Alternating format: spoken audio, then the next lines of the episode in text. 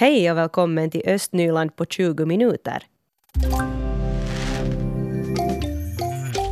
Igår så fanns det möjlighet att diskutera det nya FPA-taxisystemet i Borgo.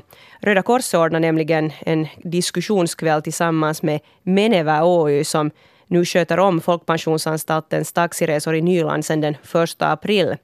Och frågorna och kommentarerna haglar över taxibolaget Meneväs representant Antti Veijola när 20-talet östnylänningar mötte den här nya aktören i Röda Korsets lokal i Borgo.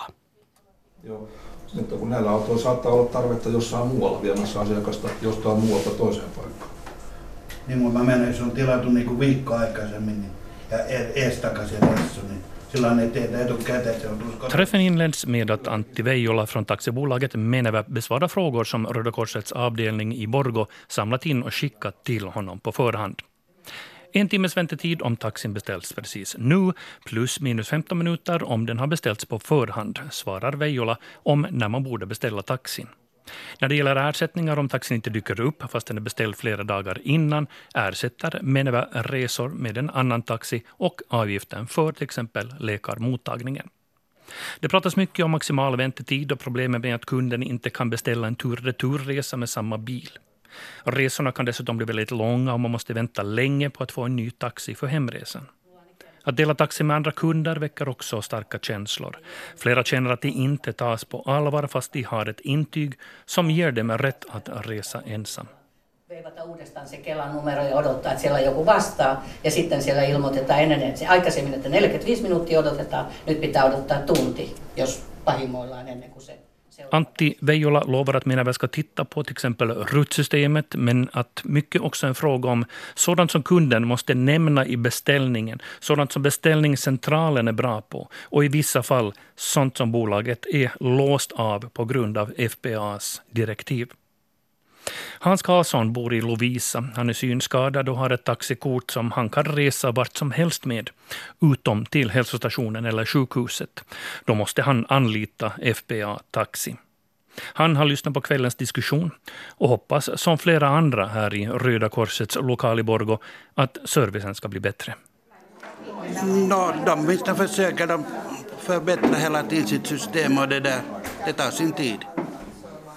Eh, vad, vad förväntar du dig av ett bra fungerande system av det här slaget? Jag funderar, för, för, förbättra, eller förväntar mig att, att när man åker till ett sjukhus och man är inne en halvtimme, man får använda samma taxi och tillbaka och på det sättet. Och just nu är det inte riktigt så? Nej, det är inte så. Eh, men var det någonting så annat som, som, blev klar, som klargjordes här ikväll? Någon information som du inte har känt till tidigare? Så? No, det, att liksom, om, om inga bil kommer så får du beställa en annan taxi och det där, få ersättning för den. Men det är ju bara det att då hinner du inte om du har doktortid och du har någorlunda bestämd tid så det, där, så det är ju omöjligt att hinna få en annan bil istället. Men man hade möjligheten.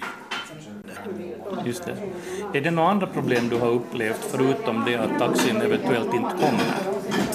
No, det är ju det här att om man blir opererad så har du någon som åker med och den kan hosta och den har... Att, jag tycker det är lite orent på sätt och vis. Alltså det finns en hälsorisk? Det finns en hälsorisk, ja. Om man är nyopererad och du, du har flera personer som en del hostar och en del har något annat fel så det, det, nu är det en hälsorisk.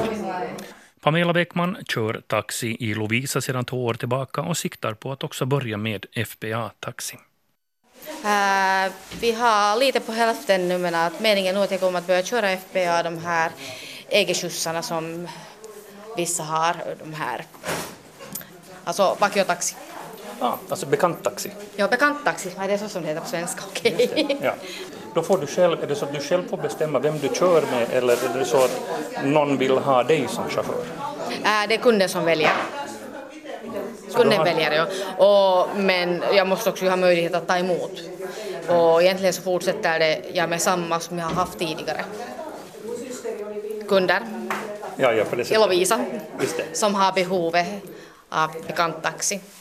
Jag ska säga, vad är det som lockar att köra FBA-taxi? Det har inte varit så populärt med taxichaufförer. Äh, nej, för prisen har blivit dragit ner och där börjar lönsamheten som det har påverkat på ganska duktigt. Och, men att äh, orsaken är det att när jag började köra taxi så lärde jag mig känna de här och de har blivit mina egna kunder.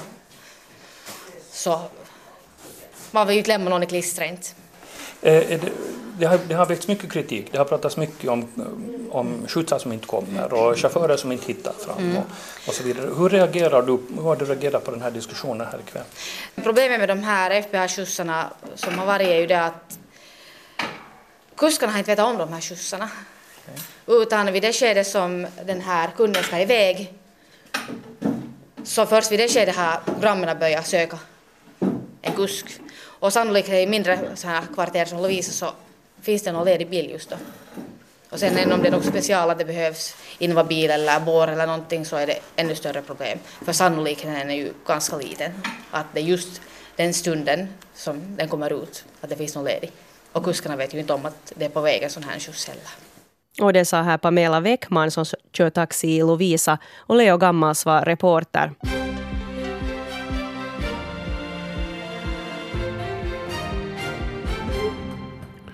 Klockan är halv åtta. Nu senaste nytt från regionen Östnyland med Stefan Härus. God morgon. Upphandlingen av en tillbyggnad till servicehuset Lyckan i Pärnu kyrkoby kör igång ett andra varv. Orsaken är att anbuden är klart högre än kostnadsberäkningen. Enligt en helhetskostnadsberäkning skulle tillbyggnaden kosta drygt 3 miljoner euro. Enligt anbudsställningen beräknas projektets kostnader till sammanlagt 3,8 miljoner.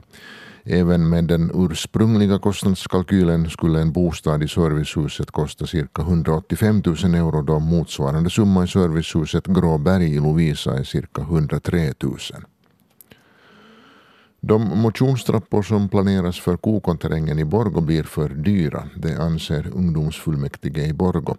I sitt ställningstagande säger ungdomsfullmäktige att man i kommunen Akkas byggt motionstrappor för 30 000 euro. I Borgo beräknas trapporna kosta 230 000. I tidningen Osima säger Borgostads direktör för idrottstjänster Per Högström att det är kvalitet och sättet att bygga som påverkar det slutliga priset. Trapporna i Borgo eh, är tänkta att bli en större helhet än bara något att springa upp och ner för, säger Högström i Osima. Kranvattnet i Mörskom ska fortfarande kokas innan det används till matlagning eller som dricksvatten. Det uppger kommunen efter att igår ha tagit nya bakterieprov. Orsaken är att man tidigare upptäckt en liten mängd avföringsbakterier i ett kontrollprov. Kloreringen av hushållsvattnet inleddes i fredags och i övermorgon ska kommunen komma med ny information. Av de östnyländska kommunerna har man förhandsröstat allra flitigast i Borgå inför riksdagsvalet. Där har 38,9 procent av de röstberättigade redan förhandsröstat. Motsvarande siffra för Lovisa är jämnt 30 procent, för Sibbo 31,8 och för Mörskom 30,3 procent. I Pyttis har 34,9 procent av de röstberättigade förhandsröstat. Igår var det förhandsröstningens sista dag och den riktiga valdagen är på söndag. Och ett sportresultat. OIFs innebandyherrar från Sibbo vann den tredje ligakvalmatchen igår på bortaplan mot Karhut från Björneborg. OIF vann med 9-6 och leder nu i matchen med 2-1. Det här innebär att OIF behöver bara en seger ytterligare för att stiga till innebandyligan. Sibbo och Borgo de samarbetar kring en ny festival för barnlitteratur. Den här festivalen ska ordnas i maj. Och det här programmet har nu presenterats. Festivalen heter Barnlitteraturfestivalen Ord. Och många kända barnboksförfattare och illustratörer kommer att delta i den här festivalen. Och vi har nu Paola Dadda här i studion. Hon är producent vid Sibbo huvudbibliotek som är med och ordnar den här. God morgon. God morgon. Hur känns det nu att vara med och skapa en helt ny festival? No, det, är helt, det, det är fantastiskt faktiskt, för jag tycker att uh, alla som är med här älskar ju barnkultur. Så att det är verkligen det är jätteroligt. Ja. Nå, varför behövs en sån här barnlitteraturfestival? No, alltid behövs det ju kultur för barn. Därför för att om vi vill ju att, att som vuxna ska man uppskatta all slag och mångsidig kultur så ska man ju börja när de är små redan, det tycker vi. Men varför det behövs, därför för att här i östra så, så eh, eller ska vi säga så att i hela landet just nu så satsar man på den här läskunnigheten och läslusten och man gör, det finns jättemånga rörelser och också olika projekt som, som stöds för att, för att, eh, ja, för att uppmuntra det, att barn ska ska kunna läsa bättre och, och mera och så där. Och därför ville vi nu koncentrera oss på, på, barn, på, på, liksom barnlitteraturen och de som är intresserade av det. Så att det är inte bara barn som läser barnlitteratur, utan det är också vuxna. Ja, kommer du ihåg vilken bok du själv har läst senast? Barn, barnbok? Nej, men jag lyssnade igår på en bok, alltså eh, som, som barn som, eh, som läste till oss i, i Sibbo bibliotek. Om, om, det handlade egentligen om döden och det var en, sån en, en liten hamster som skulle dö och det var det där sorgen och det var jätte, jättefint. Och jag själv faktiskt har läst den här eh, som inte jag vet att hörde till ungdomslitteratur eller med Mördarens apa har jag läst om senast faktiskt. Helt själv och inte på mina barn. Just det, ja det finns nog jättefina mm. barnböcker ja. nu för tiden. Men det här att vi inte har haft en sån här litteraturfestival, vad tror du det beror på? Ja, jag vet inte. Är det det att kanske det, det är så mycket eh, arrangemang kring det? Jag vet, jag vet inte fakt faktiskt vad är orsaken. Vi gjorde ju då när Tove Jansson fyllde 100 år så ordnade vi här i Borgå den här eh, internationella litteraturfestivalen som handlade om henne och litteraturen kring henne och också eh, illustrationer. Och där hade vi faktiskt många av de författarna som är nu en söndag, en hel söndag, som vi avslutade med barnlitteratur. Men, uh, men sen en hel festival för det här så har det inte funnits och ja, ja, ja, jag vet inte orsaken men nu gör vi det. Ja, och ni har ett digert program. Vill du plocka fram någonting här i ert programutbud under den här barnfestivalen? Ja, alltså vi har verkligen både i Sibbo och i, i Borgo äh, försökt just täcka en hel vecka så att alla ska kunna hitta någonting åt sig. Och då har vi liksom äh, tänkt att, att vi bjuder de främsta inom barnlitteraturen på både finska och svenska. Och i, i Borgo har vi med också dessutom eh, Kulturhuset Grand och Borgo bibliotek, Gammelbacka bibliotek också, och, och eh, Vårberga bibliotek. Där kommer det att finnas också eh, filmvisning och sedan så har vi eh, workshoppar med Linda Bondestam, med Annika Sandelin. I Borgo så har vi också eh, Lin, eh, vad heter det, Lena Frölander Ulf och sen Tapani Bagge och sen faktiskt den här lördagen så slutar vi med Eva Frantz som har då just varit så aktuellt också med Runeberg juniorpriset. Ja, men det låter ju jättetrevligt. Ja, så att det, är nog, det känns jättefestligt att ha så här många. Och för, och för barnen just att de får själva komma och träffa de här författarna som gör de här böckerna som de själva läser. Ja, och man kan ställa lite frågor. Precis, ja. Vi har just en sån program i både Sibbo och i Borgå i biblioteken som heter Fråga författare. Och då har vi bjudit bland annat eh, skolklasser också, som får komma lite och förbereda sig före. Vad vill de fråga? De kan också bekanta med författares böcker tidigare och så här.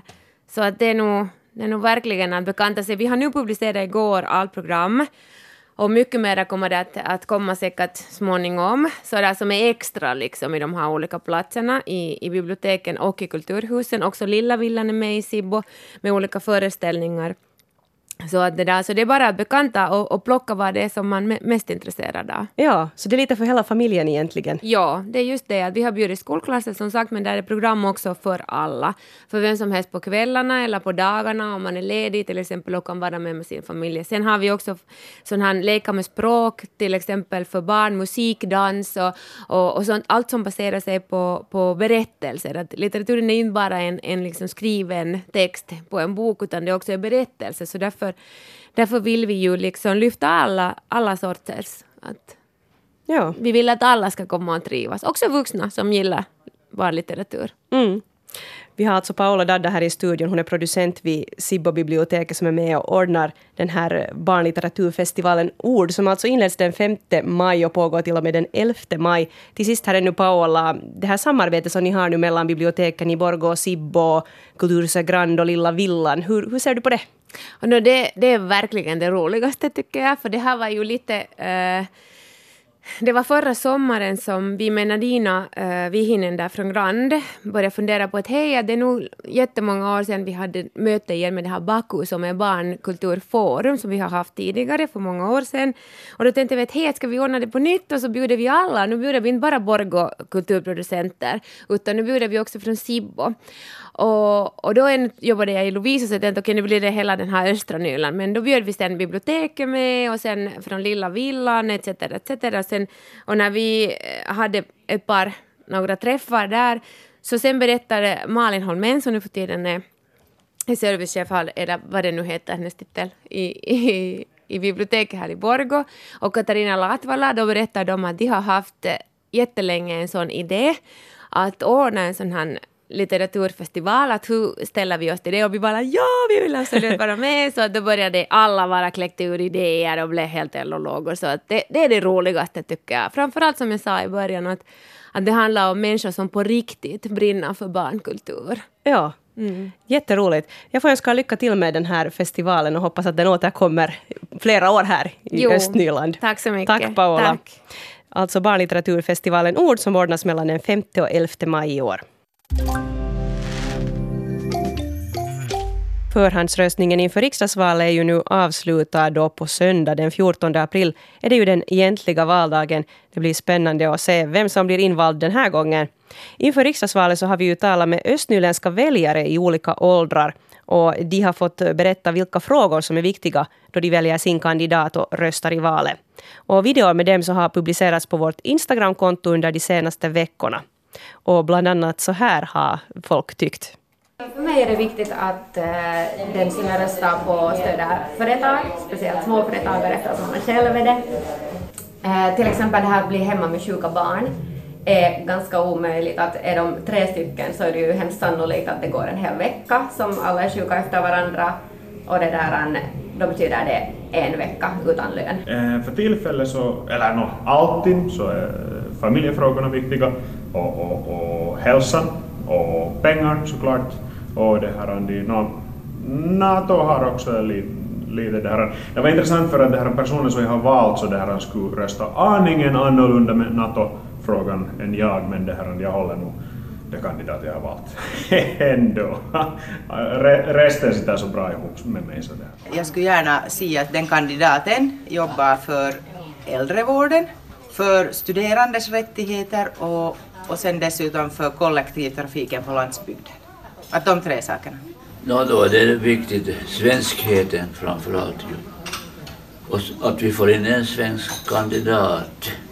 Och så är det framför allt för pensionärer när de pratar om hur de far illa på sådana ställen. Far illa med pensionärer, men det är ju sånt där. Det ska vara bra för alla unga, att man måste följa med deras åsikter och att de får reda på det, för sommer man måste bygga på sommar just att unga får, att de får info de där vid 20 åldern som jag och sen vad heter det viktiga att just att få mycket information på sommar. Men för mig är det viktigt, jag är ganska så här partitrogen, det låter lite klichéartat men, att, men det finns ett parti för mig. Sen är det viktigt att det gärna kan vara en Sibbobo, att den här lokalpolitiken kommer fram. Ja, för tillfället så tycker jag att alla lovar guld och gröna skogar och åldringsvården ska bli bättre och alla ska få gratis skolning och alla ska få det ena och det andra. Och ingen berättar egentligen att hur de har tänkt finansiera det här och tänker de ta lån eller tänker de höja skatterna eller hur, hur det ska finansieras. Att jag tycker att det skulle vara ganska viktigt att det som de lovar, så det, det också liksom berättar de att hur de har tänkt att det ska finansieras. Just som sagt, vi, nu på lektionen så talar vi om det här, det är ganska Eh, liksom smutsigt i miljön och allt sånt här. så att det skulle kanske vara lite bra att fundera på med miljö, så det är ju, jag tycker mycket om naturen och sånt Och det skulle nog vara helt kiva att istället när man går ut och går att det inte finns en plastflaska, att det finns bara marken där. Att, att... För mig är det viktigt att eh, hen förstår om naturen och klimatförändring, för det är nog så viktigt. Helt enkelt, vi behöver en natur för att kunna leva. Det är kanske det viktigaste. Eh, den första för mig så det är nog det där eh, utbildningen. Alltså, jag jobbar själv i, inom skola och jag märker ganska bra uh, hur det har skärts ner på utbildningen med de här sparåtgärderna som har gjorts. Så jag ser hur, åt vilket håll det kommer att gå. Och de här intervjuerna är gjorda av Mira Bäck, Hedvig Sandell och Fredrika Sundén. Och alla videor med väljare inför valet så hittar ni också på vårt Instagramkonto, att Yle Ostnyland. Så där kan ni gärna titta in och följa oss om ni inte redan gör det. Östnyland på 20 minuter är en svenska Yle-podcast. Det finns flera poddar på arenan. Jag heter Katarina Lind. Tack så mycket för sällskapet. Vi hörs.